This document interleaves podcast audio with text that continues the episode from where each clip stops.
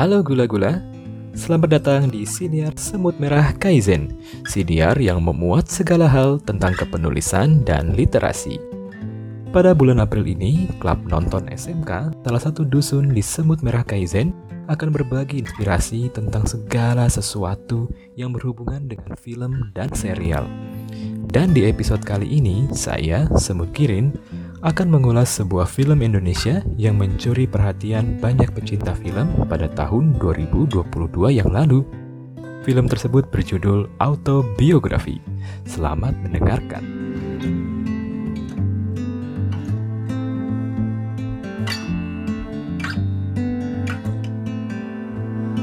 Gula-gula suka menonton film yang seram, Film seram biasanya identik dengan penampakan hantu atau setan yang membuat takut penontonnya.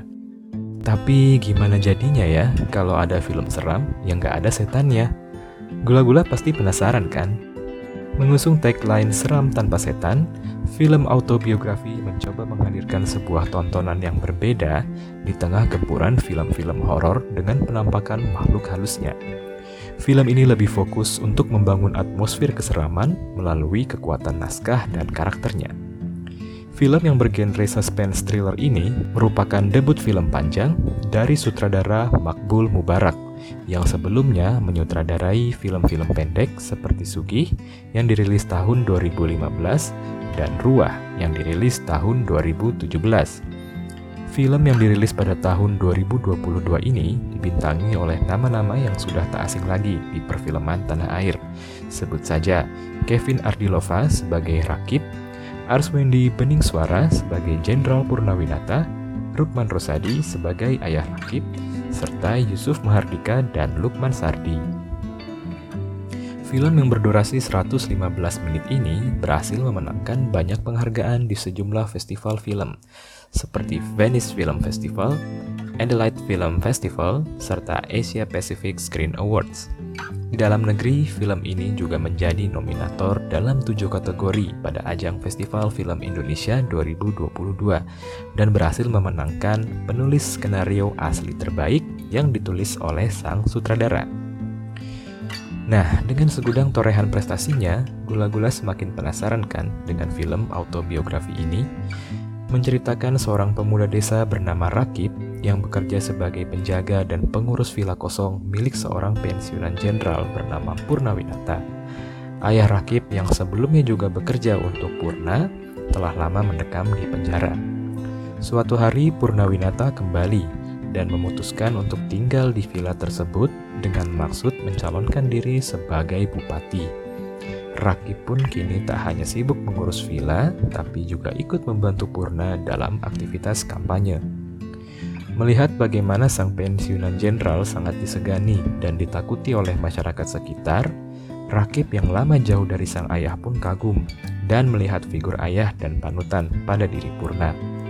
Rakib pun dengan bangga menjalankan tugas-tugas yang diberikan hingga ia menjadi tangan kanan sang jenderal Sampai suatu hari Rakib melihat sisi kelam dari diri Purna yang tak pernah ia bayangkan sebelumnya.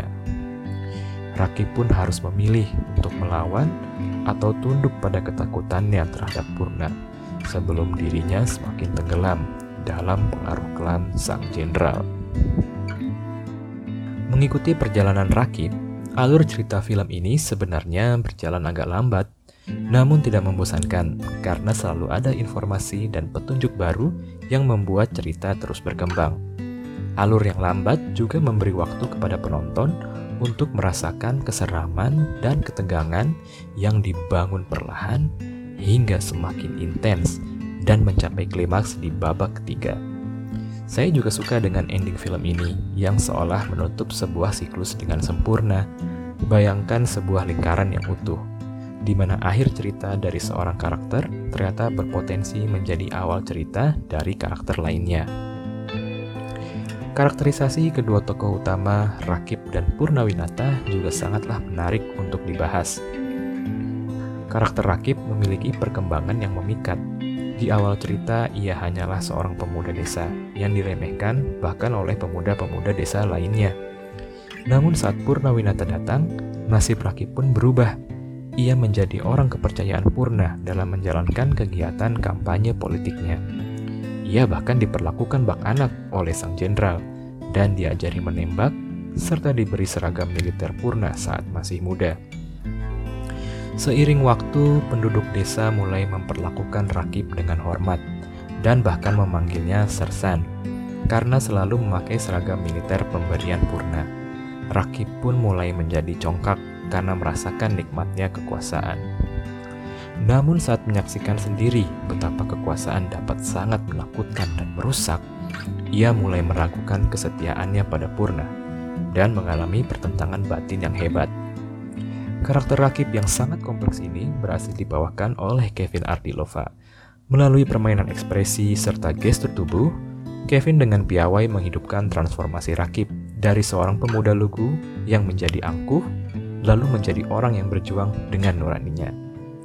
Saya bisa mengatakan bahwa ini adalah penampilan terbaik Kevin sejauh ini. Sedangkan karakter Jenderal Purnawinata adalah kunci dari film ini. Tagline seram tanpa setan yang saya sebutkan di awal podcast ini rasanya tak akan berhasil tanpa kehadiran sang jenderal. Purna adalah seseorang yang sangat mengintimidasi, bahkan sejak pertama kali kemunculannya. Salah satu adegan yang berkesan buat saya adalah ketika Purnawinata tiba di villa dan bertemu dengan Rakib. Melihat atasannya yang datang dari jauh dan kelelahan, Rakib pun membuatkan segelas kopi dan menyajikannya untuk Purna. Tanpa ia tahu bahwa ternyata Purna tidak menyukai kopi. Melihat segelas kopi disajikan di hadapannya, Purna hanya berkata, "Siapa bilang saya minum kopi?" dengan nada bicara yang sangat intimidatif. Menariknya, Purnawinata tidak pernah mengintimidasi dengan meledak-ledak. Ia justru seseorang yang sangat tenang dan lembut, terlihat dari caranya memperlakukan Rakib. Namun, kelembutan itu tetap datang dengan ketegasan dan penuh tekanan, layaknya seorang ayah. Sebagai pensiunan militer, Purnawinata juga sangat berkuasa dan memiliki koneksi dengan orang-orang penting yang mendukungnya. Inilah yang memuluskan segala rencananya, bahkan yang paling tercela sekalipun. Semakin buruk karena siapa pun yang berseberangan dengannya tidak bisa lari dari kekuasaan tersebut. Tak berlebihan rasanya jika saya katakan Purnawinata adalah sumber dari segala teror di film ini. Pemilihan Arswendi Bening Suara sebagai Purnawinata saya rasa adalah hal yang tepat Beliau berhasil membawakan karakter Purna bahkan dengan dialog, ekspresi, dan gestur yang minim. Peran sentral Purna di film ini juga dapat menunjukkan kualitas akting seorang Arswendi Bening Suara. Tema dan pesan dalam film ini dapat saya rangkum menjadi tiga hal. Yang pertama, tentang bagaimana sebuah kekuasaan bisa sangat menggiurkan serta menguji dan mengubah sikap seseorang, seperti yang kita lihat pada karakter Rakib. Yang kedua, tentang toxic relationship. Dalam film ini berupa hubungan antara atasan dan bawahan atau ayah dan anak yang digambarkan oleh Purna dan Rakib. Sikap Purna yang intimidatif dan manipulatif membuat Rakib berpikir ulang tentang kekagumannya pada Purna. Relasi tidak sehat ini pun diperparah dengan kekangan Purna yang begitu kuat, sehingga Rakib tidak bisa melarikan diri. Ibaratnya seperti kita punya atasan yang membuat frustrasi, tapi tidak bisa resign yang ketiga, film ini menggambarkan trauma pada sosok militer yang masih sangat ditakuti oleh masyarakat, terutama di pedesaan. Nah, gula-gula, itu tadi ulasan saya tentang film autobiografi. Dengan tema yang tidak biasa, cerita yang memikat, karakter yang menarik, serta akting yang menjanjikan, film ini berhasil memberikan pengalaman menonton yang membuat saya terus terbayang-bayang akan keseramannya, bahkan setelah selesai menonton film ini. Gula-gula ada yang pernah menonton film autobiografi. Bagaimana dengan pengalaman menonton gula-gula? Yuk berbagi pengalaman nontonmu dengan mention atau DM akun Instagram Semut Merah Kaizen di @kaizenwritingalumni.